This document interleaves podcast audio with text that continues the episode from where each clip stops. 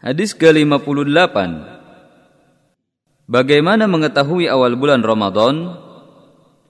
An Abi Hurairah radhiyallahu anhu qal ذكر رسول الله صلى الله عليه وسلم الهلال فقال إذا رأيتموه فصوموا وإذا رأيتموه فأفطروا فإن أغمي عليكم فعدوا ثلاثين Dari Abu Hurairah radhiyallahu anhu ia berkata, Rasulullah shallallahu alaihi wasallam membicarakan hilal.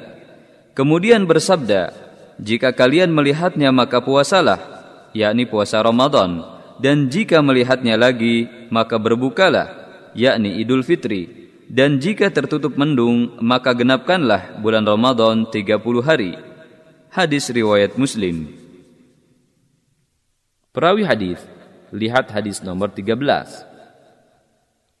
Beberapa faedah hadis ini adalah Hadis ini melarang puasa pada hari syak, yaitu hari yang diragukan. Juga tidak boleh puasa Ramadan pada hari ke-30 bulan Sya'ban jika pada malam ke-30 Sya'ban dalam kondisi mendung.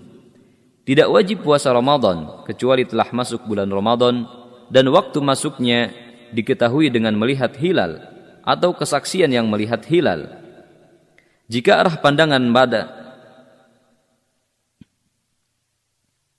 Jika arah pandangan pada malam ke-30 terhalang mendung atau awan, maka wajib menyempurnakan bulan Sya'ban 30 hari.